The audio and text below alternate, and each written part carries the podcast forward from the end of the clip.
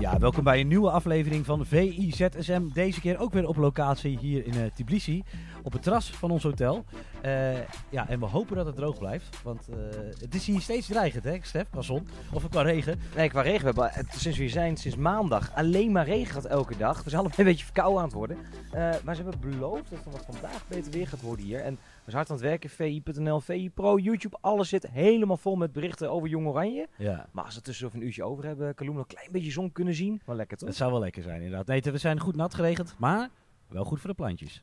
Je, ziet het achter ons, hè? Het is, het is één groot oerwoud. Je noemde het eerder al een botanische tuin, volgens mij. Ja, nee, een, een prachtige setting om uh, het uh, prachtige voetbalnieuws te bespreken. Laten we beginnen met Mason Mount. Uh, Ten Hag, die wil hem heel graag hebben. Jij, ik heb hem laten vertellen dat jij hem kent. Ja, nee, zeker. Dat leuk. Mason Mount speelde destijds bij Vitesse. In die tijd volgde ik Vitesse nog. En met sommige jongens heb je geen band, met anderen juist weer wel. En met hem had ik best wel een, een goede band, ook met zijn familie, en met zijn vader en zo. En die jongen echt wel een beetje uh, leren kennen, ook qua persoonlijkheid. Zo'n rustige, zo'n slimme, uh, verstandige vent. Uh, wilde heel graag doorbreken bij Chelsea. Is ook gelukt. Alleen, nou ja, we weten allemaal wat er bij Chelsea gebeurd is. Ook zijn plek daar kwijtgeraakt en zo. En het verbaast me totaal niet dat hij nu heel graag richting United wil. Naar Erik ten Hag toe. Dat is wel iemand die echt ja, past binnen de manier van voetballen van Erik ten Hag. Ja, ik, ik zie die transfer wel rondkomen. Al volgens mij heeft Chelsea, heeft Chelsea voor de derde keer een bod voor United afgeslagen. Ja, dat is het spelletje. Het zijn wel echt enorme bedragen. Je leest bedragen van 60, 70 miljoen euro. Met volgens mij nog maar een eenjarig contract. En een bankspeler. Dus maar ik vind dat is krankzinnig. Nee, dat is, dat is de gekte van de markt. Aan de andere kant, uh, twee dingen die je daarbij op moet tellen. Die jongen heeft wel Champions League gewonnen. Uh, Engels nationale elftal. En je hebt daar de home ground regel in Engeland. Dat betekent dat uh, een minimaal aantal spelers uh, in Engeland opgeleid moet zijn. En Mount is er ook eentje van. Dus clubs zijn heel erg uh, op zoek naar jongens met een, met een Engelse achtergrond. Maar ja, die heb je nodig in selectie. Dus, ja. Maar ik denk uiteindelijk dat het goed komt. En het is heel veel geld. Maar ik denk wel dat Mason Mount voor United echt een topversterking is. En, en, bij Vitesse was hij nog hartstikke jong. Maar kon hij toch het elftal al wel dragen. En dat, dat heeft hij doorgezet. Veel jongens die bij Vitesse hebben gezeten van de Chelsea hebben het uiteindelijk net niet gered. Ja, dit was het voorbeeld die ook, ook heel snel eigenlijk al die stappen richting Stamford Bridge maakte. Ja. Nou ja, geweldig om te zien. En leuk, want daardoor is van ze ook allemaal een stuk interessanter om te volgen. En daar zal Erik ten Hag hem in de baas ook van kennen van zijn tijd in Arnhem. Ja, nou, andere speler, jonge speler, die... Uh, ja, die, die in alle top 5 competities gaat spelen. Justin Kluivert. De transfer, die, die is wel beklonken. Die gaat naar Bournemouth. Wat vind, je van, wat vind jij van die transfer? Nou, ik vind het wel aardig. We zitten natuurlijk met Jong Oranje hier. En, ik ken Justin Kluivert van Jong Oranje. Want uh, bij die groep van twee jaar geleden, daar zat hij nog gewoon bij. En dat, dat, het, ik vind het wel dubbel. Aan de ene kant vind ik het leuk. Uh, Premier League, uh, Bournemouth is niet meteen de, meest aansprekende club. Maar uh, leuk om in de Premier League te spelen. Aan de andere kant, als je op zijn leeftijd al in alle vijf grote competities van Europa hebt gespeeld, dat geeft ook wel een beetje te denken natuurlijk. Hè. Dat betekent dus dat je niet uh, de veilige basis hebt gevonden. Eigenlijk zou je natuurlijk vanuit Nederland stap moeten maken naar een competitie en dan misschien nu naar de volgende competitie. Maar hij is natuurlijk al ja, een paar stappen verder. En we zien allemaal zijn potentie. We hebben het bij Ajax gezien, we hebben het bij Vlagen, bij Jong Oranje, maar in andere, de laatste periode in Spanje natuurlijk ook gezien dat hij het wel heeft. Ik hoop zo graag dat er een keer uitkomt, dat hij het eens een keer een, heel seizoen kan laten zien en dat hij ja, eigenlijk dat stempel talent en ook misschien het stempel een kluivert achter zich kan laten en, en doorgroeit. Want zo'n jongen waar we altijd hebben gedacht van ja, op, de, op den duur een speler voor het Nederlands elftal. Maar dat komt er maar niet van. Nee, en ik moet zeggen, ik heb Bournemouth een beetje bekeken het afgelopen seizoen. Vind het nou niet een hele creatieve ploeg, zeg maar. Dus uh, wat, wat zal het worden? Gewoon rennen. Heel, heel, veel rennen in de counter. Nou ja, ik weet niet wat ze voor volgend seizoen willen doen. Maar inderdaad, dat, dat zit wel een beetje in die ploeg. Nou, misschien dat Kluivert er iets aan toe kan voegen. Nou, ik ben bij al die 92 clubs in Engeland een keer geweest. ja. Ik ben ook bij Bournemouth geweest. Ik kan me ook niet voorstellen dat het ontzettend gezellig is om daar te wonen en te werken. Uh, ze zullen goed betalen. En ik kan me voorstellen dat hij ook zoiets heeft van... Uh, best wel redelijk seizoen gehad, ondanks wat er bij zijn club gebeurd is. Uh, ik ga dat verzilveren. En ja, die gaat ook gewoon uh, naar Liverpool, naar City, naar United toe. Ja, is voor zo'n jongen natuurlijk wel een fantastische stap. Maar nogmaals, ik hoop vooral dat Justin Kluivert nu eindelijk uh, het, het, daadwerkelijk waar gaat maken. En dat hij eigenlijk een bepaalde speler gaat worden in de Premier League. Zodat misschien ook voor Nederland zelf wel de profijt van gaan hebben. Ja, dan Sergio Busquets. Ik moet zeggen, normaal gaat die transfer transferperiode alleen maar over clubs binnen Europa. Maar nu hebben we Saudi-Arabië en we hebben Inter Miami. En uh, die hebben dan, als het goed is, ook uh, Sergio Busquets binnengehengeld. Terwijl die speler, ja, ik heb het afgelopen seizoen ook bij Barcelona gekeken. Ik, ik, ik vind hem nog, hij is wel over zijn piek heen, maar hij is nog steeds een geweldig voetballer. En die gaat nu eh, ja, zijn zakken vullen de- in eh, Amerika. Inter Barça, hè? Inter Barcelona. Ja. Want ik hoorde dat Jordi Alba ook al gelinkt werd eh, die kant op. Dan zouden, zouden drie vrienden met Messi erbij weer herenigd zijn. Nee, die jongen die kan dat nog prima aan. Alleen het is, het is wel wat jij zegt nu zakken vullen Amerika. Het is heel vaak, kijk, zij, Busquets en Messi gaan niet hun zakken vullen. Dat zijn liefhebbers. Eh, want die gaan niet naar de zandbak. Ja, jongens, in Amerika wordt ook belachelijk goed betaald. Zeker bij zo'n Inter. Want je haalt gewoon sterren haal je op. Verdienen misschien wat minder dan in de zandbak. Maar eh, nogmaals, eh, wij hebben goed salaris bij VI. Maar dat gaan we niet verdienen hier hoor. Dus eh, we hebben ook geen medelijden met ze te hebben. Het is leuk dat die vrienden weer samen gaan spelen. Het enige waar ik soms wel eens bang voor ben, de Amerikaanse competitie, best eh, wil een opmars maken, wil door. En nu doen ze toch weer een beetje wat ze jaren geleden ook deden toen de Beckhams en zo die kant op kwamen. Met allemaal van die oudere spelers die eigenlijk een beetje over de hill zijn, daar naartoe halen. En dan wordt het meer een showcompetitie, wat ze in Amerika natuurlijk heel erg van houden. Maar als je die competitie echt naar een volgende, ja, volgend level wil brengen, dan moet je stap maken. Ja, het, het- ik ben heel benieuwd. Eh, gaan wij nu ook met z'n allen eh, dan Miami volgen? eh, Ja, ik weet niet wie zendt het uit. Ze zelf gewoon uitzenden. Gewoon alle wedstrijden van Miami en alle Saudi-Arabië wedstrijden op VI. Nee, nou ja, weet, weet je, dat is natuurlijk ook het interessante van gaan we dat nu, gaan we dat ook da- daadwerkelijk interessant vinden? Ik weet dat in de tijd bij Beckham dat er best wel heel veel aandacht toen was. Ehm, dan gaat dat nu ook weer gebeuren, gaan we dat kijken. Voor iemand als Maarten Paas leuk, die zit bij Dallas. Nou, als er wat meer aandacht voor komt, doet het trouwens wel ontzettend goed daar. Maar eh, we, gaan het, we gaan het meemaken, Ja. ik vind het een bijzondere stap. Ik vond het leuk dat ik had Nick Marsman gezien en die zei van, er werd hem gevraagd, ik weet niet of het bij ESPN was, maar eh, er werd hem gevraagd van, is de club er klaar voor? Zei, Nou ja, wij lopen gewoon zonder bewaking eh, richting het stadion. Ehm, ik ben heel benieuwd of dat straks met Messi gaat. Hoe dat met Messi gaat als die hier loopt, want die kan Ja. natuurlijk niet zomaar over straat lopen. Ook in Amerika niet, hè? Dat je hebt begrepen als ESPN Atleta was daar eh, voor, Ah de, ja, voor de geweldig. NBA playoffs en die, die ging meteen even bij Nick Marsman langs. Dat was super leuk om te zien. Nee, maar je hebt gelijk, dat, dat, dat gaat ook iets anders gebeuren nu, hè? Dat eh Ja. sterrenstatus. Of, en dat hoop ik voor die gasten eigenlijk wel, of misschien dat ze wel wat vrijer rond kunnen lopen en dat ze een soort van leven naast het voetballen kunnen hebben. Maar Ja, we, we gaan het meemaken. Andere kant, eh, verlies voor de Europese velden, want weer een, eh, mooie voetballer weg. zeker. Over eh, vrij op straat kunnen lopen. Bram Nuitink. Jij, eh, Mooie stap. eh, Ja, ja, mooi stap. Ja, want eh, s- eh, Mr. Nijmegen, ma- kan ik dat zeggen? Ik, ik had gezien dat sinds 2010 eh Nuitink, Schöne en Sillis voor het laatst met elkaar spelen. 13 jaar verder en ze zijn weer herenigd. Ik vind dat mooi.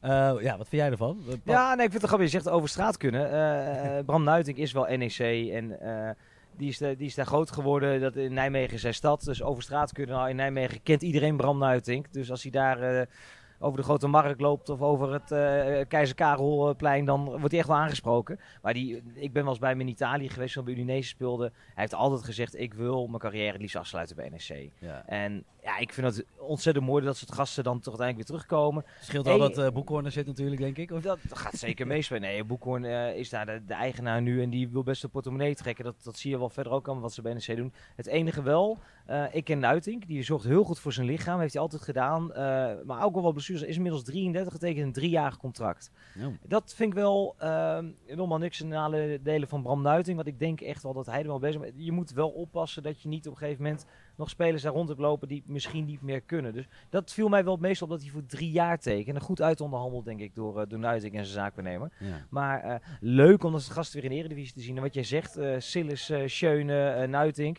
Ja, misschien moet elftal er even bij pakken vandaag. Eens kijken wie ze al meer terug kunnen halen uit die periode. Ja, het zou mooi zijn als we inderdaad zo'n elftal vol legends uh, straks weer in de, ere, in de eredivisie krijgen. Te gek. Die laten we achter ons, de eredivisie, want we zijn hier uh, niet zonder reden. Uh, want het is matchday. Vanavond speelt Jong Oranje tegen Jong Portugal. De tweede wedstrijd in de poolfase van dit EK. En ja, het is een beetje, we hadden het er gisteren eigenlijk al een beetje over. Met wie gaat hij spelen? Wie is er fit genoeg om te spelen? Ja, Looy, nee, dat, dat is het. Hè, van de Looy. Ja, vanavond weer in het uh, Meski Stadium, waar we van de week ook waren. Uh, ja, met wie gaat hij spelen? Kijk, heel simpel. Hij heeft op trainingskamp in Oostenrijk heeft hij al zijn basiselftal in zijn hoofd gehad. Hij heeft, moest nummers doorgeven uh, naar de UEFA. Dat is niet nu gebeurd, maar een week geleden al. En nummer 1 tot met 11 stonden op papier tegen de Belgen. Dus Van der Looy heeft zijn beste elftal in zijn hoofd. Dus ik denk dat hij er ook alles aan gaat doen om met die elf weer te starten. En het belangrijkste is, en dat is gisteren op een besloten training waar wij niet bij waren, hoe fit waren die jongens, hoe belastbaar zijn ze? En ja, hoeveel wissels ben je kwijt op het moment dat je zegt van ik begin weer met die 11. Uh, hebben in minuut 70 dan een probleem. Ja, daar zal het eigenlijk maar om ontspannen bij, uh, bij Erwin van der Looy nu. Sommige posities zijn wat makkelijker inwisselbaar. Ik bedoel, uh, Rentje op rechtsback, Milan van Ewijk zit daar dichtbij, uh, Sambo zit daar dichtbij. Ian Maats is op links goed, Hartman ook. Hartman heeft het overigens prima gedaan en is fit. Uh, de, die puzzels zijn moeilijk. Maar ja, bijvoorbeeld centrale duo, wat het echt heel moeilijk had tweede helft. Gravenberg-Timber, die liepen allebei met de laatste benen. Ja, dat is wel een beetje motor van dit elftal. Ja dat, dat zullen de moeilijkste twistpunten zijn voor Van der Looy nu. Ga je, kies je dan toch voor een uh, Wouter Burger, een Ludovic Reis die daar neer gaat zetten? Uh, of hou je toch die twee bij elkaar? Maar dan weet je eigenlijk nu al wel op voorhand, minuut 60, 70, ben ik één of twee wissels kwijt. Ja. En we stonden net een croissantje op het bord te scheppen. En toen zei je van, ja, dit, deze wedstrijd bepaalt wel de teneur van de rest van het uh, toernooi. Want winnen, dan, uh, ja, dan nou, ben je bijna door. Maar dan zijn de kansen in ieder geval zeer goed. Maar als je verliest, ja, dan is het bijna klaar. Niet helemaal. Nee, oké, maar kijk heel simpel. Als je vandaag verliest, dan wordt het gewoon een lastig verhaal. Dan is het allemaal speculeren en dan uh, ook een beetje afhankelijk van die andere wedstrijd tussen Georgië en België vanavond. Nee, dit, dit, is het een beetje. Kijk, we hebben naar die eerste wedstrijd, uh, wedstrijd met tegenzicht. We hebben een heel goed Jong Oranje gezien, maar we hebben ook een heel grote beperking gezien. Dat was de fysieke toestand van spelers.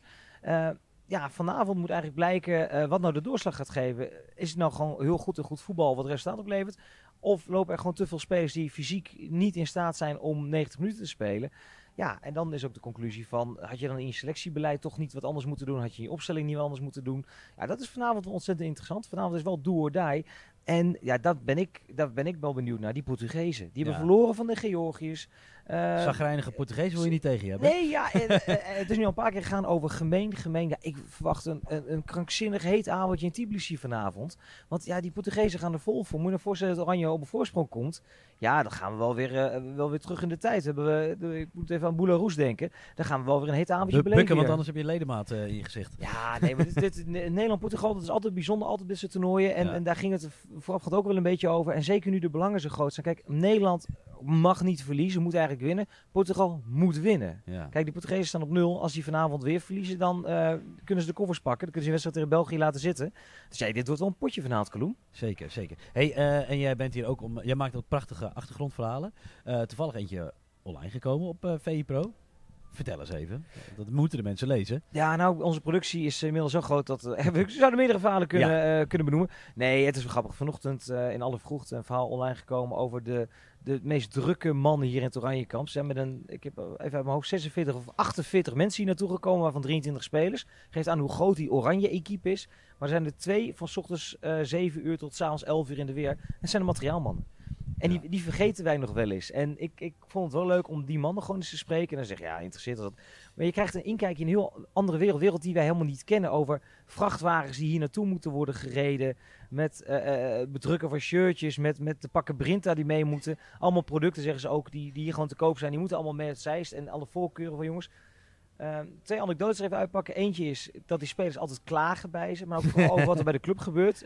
Vertelde een van die ook van ja op een gegeven moment uh, had ik allemaal jongens van Ajax hier. En die zaten klaar. Het was ten Hag trainer geworden van Ajax. En hij zelf is die oud uh, materiaalman van FC Utrecht.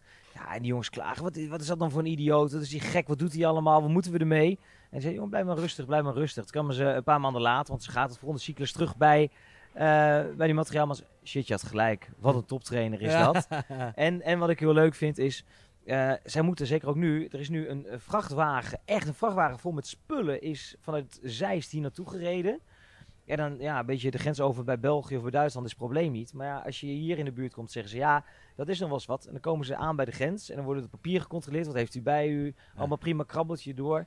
En dan rijden ze net de grens over en dan worden ze gewoon met zwaailicht aan de kant gezet. Oh, ja. En dan is het, uh, wat heeft u bij zich? En dat weten ze natuurlijk al lang. Ze weten al lang dat dat ding vol ligt met, met shirtjes uh, van Nike, van Nederland zelf, en trainingspakken. Dus wat doen de, de materiaalmannen van Oranje?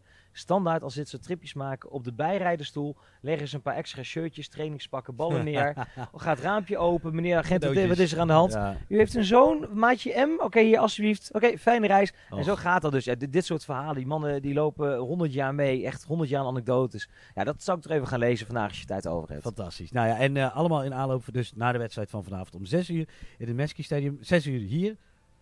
8 uur Nederlandse tijd. Nee, ik, ik zou het precies andersom Ja, doen. dat als, doen? als de mensen gewoon lekker om 6 uur voor de tv gaan zitten, dan is het bij ons al 8 uur. Ja, en dan eh, is vast wel wat leuks op tv. Maar in ieder geval om 8 uur Nederlandse tijd. eh, jong Oranje tegen Jong Portugal. En niet onbelangrijk, na afloop uiteraard weer een vlammende analyse op VI Pro. Hè. Dan weet je meteen weer waar je naar hebt zitten kijken. Kijk, mensen thuis zijn weer helemaal scherp. Stef, bedankt. En eh, ja, we spreken elkaar vanavond weer natuurlijk. Gaan we zeker doen. Dankjewel hem. Tot ZSM.